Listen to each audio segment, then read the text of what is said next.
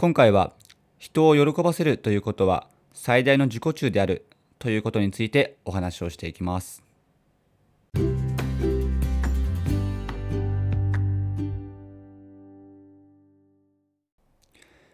皆さんこんばんは。ヒロトのフラーっと独り言。本日もお話をしていきます。はい、えー、この番組ではあの僕が日頃思ったことや、まあ、感じたことまあ、印象に残ったことなんかを気ままに配信していく、まあ、そんな番組となっております。はい。もう値打ちのお供とか、あとは、ま気ままに、ま聞いてもらえたら、あの、すごく嬉しいので、はい。ぜひともよろしくお願いします。はい。えっ、と、4連休ですね。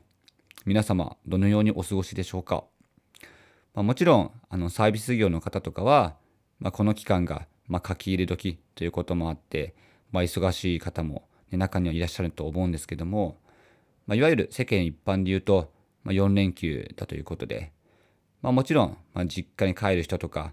あとは、まあ、旅行に出かけてる人なんかも、まあ、いるんじゃないでしょうか。まあ、今だと、まあ、GoTo トラベルといって、あのー、ね、旅行することで、まあ、国から給付金がもらえたりとか、まあ、そういう、まあ、取り組みもあるんで、ね、これを機に、ちょっとね、遠くに行ったりする方も多いと思います。まあ、僕はですね、まあ、明日、ちょうど実家に帰る予定がありまして、で、実家に帰って、あの、お墓参りをしていきます。まあ、久しぶりに、あの、親戚に会うので、もうなんやかんや、もう3年越しぐらい、回ってないので、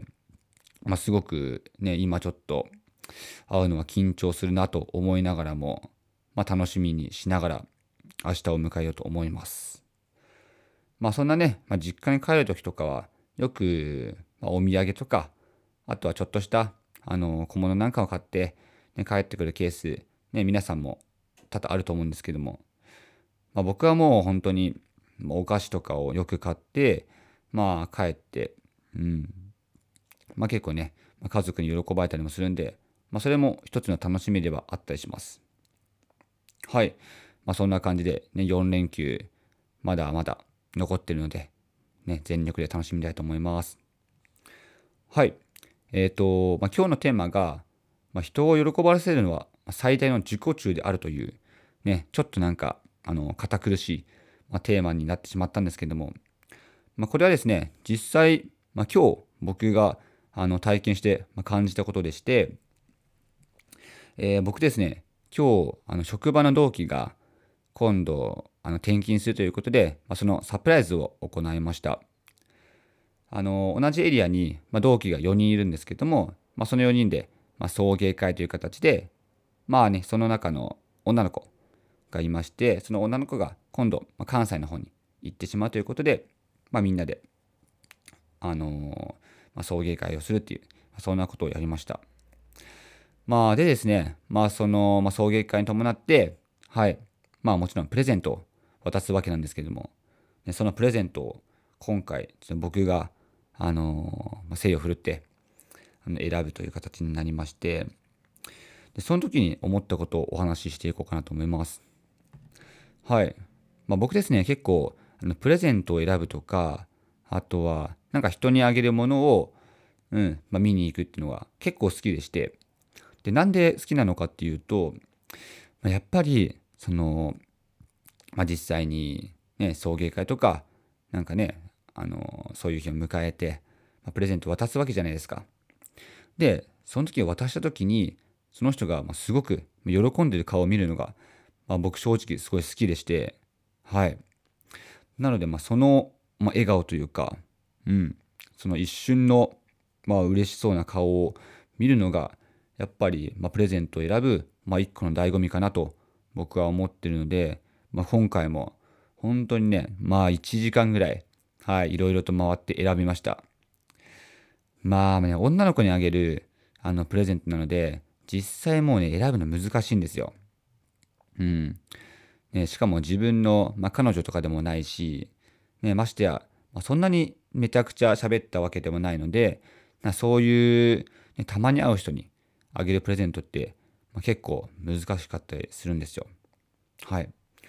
まあ、結局今回は、まあ、ハンドソープのセットみたいなうん、ちょっと可愛らしいパッケージに入ったものをあのあげたんですけれども、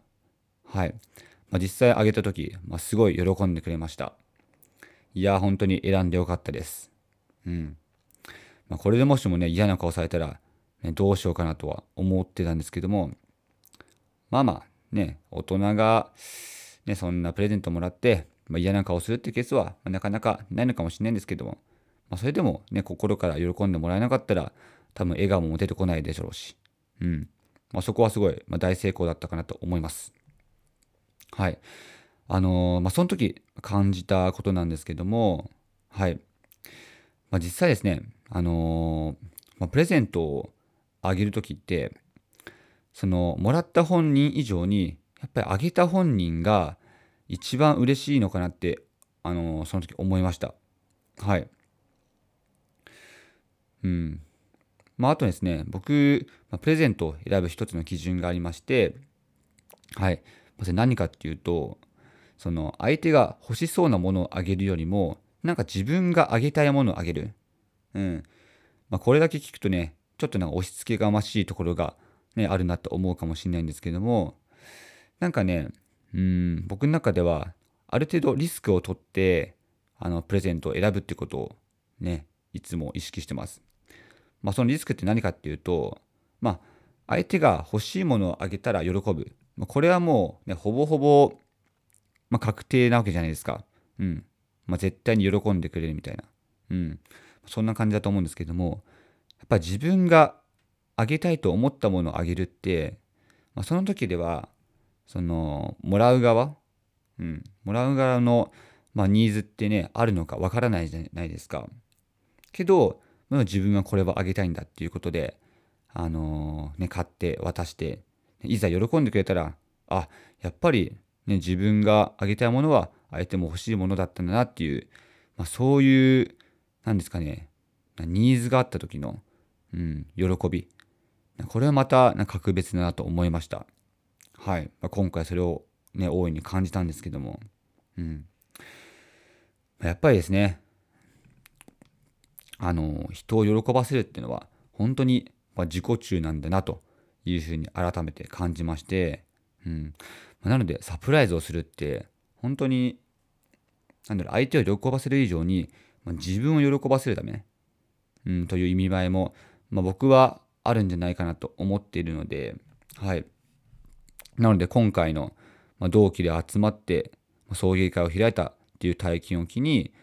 やっぱりね、人を喜ばせるっていうのは、本当に、うん、まあ、自分を喜ばせることにつながるんだなっていうふうに改めて感じました。はい。まあ、皆さんはね、まあ、どう考えてますかね。うん。ま、やっぱり総じて、ま、誰かのために何かをするっていうのは、もうめちゃくちゃ楽しいです。はい。まあ、自分の犠牲、あの、時間を、まあ、犠牲にしてでも、まあ、相手を喜ばせようと、まあ、する、まあ、心構えとか、あとはね、気持ちっていうのが、まあ一番大事なのかなって、はい、今回改めて感じたので、うん、まあ、すごい、まあいい経験をしたなと思います。はい。まあそんな感じで、今日は、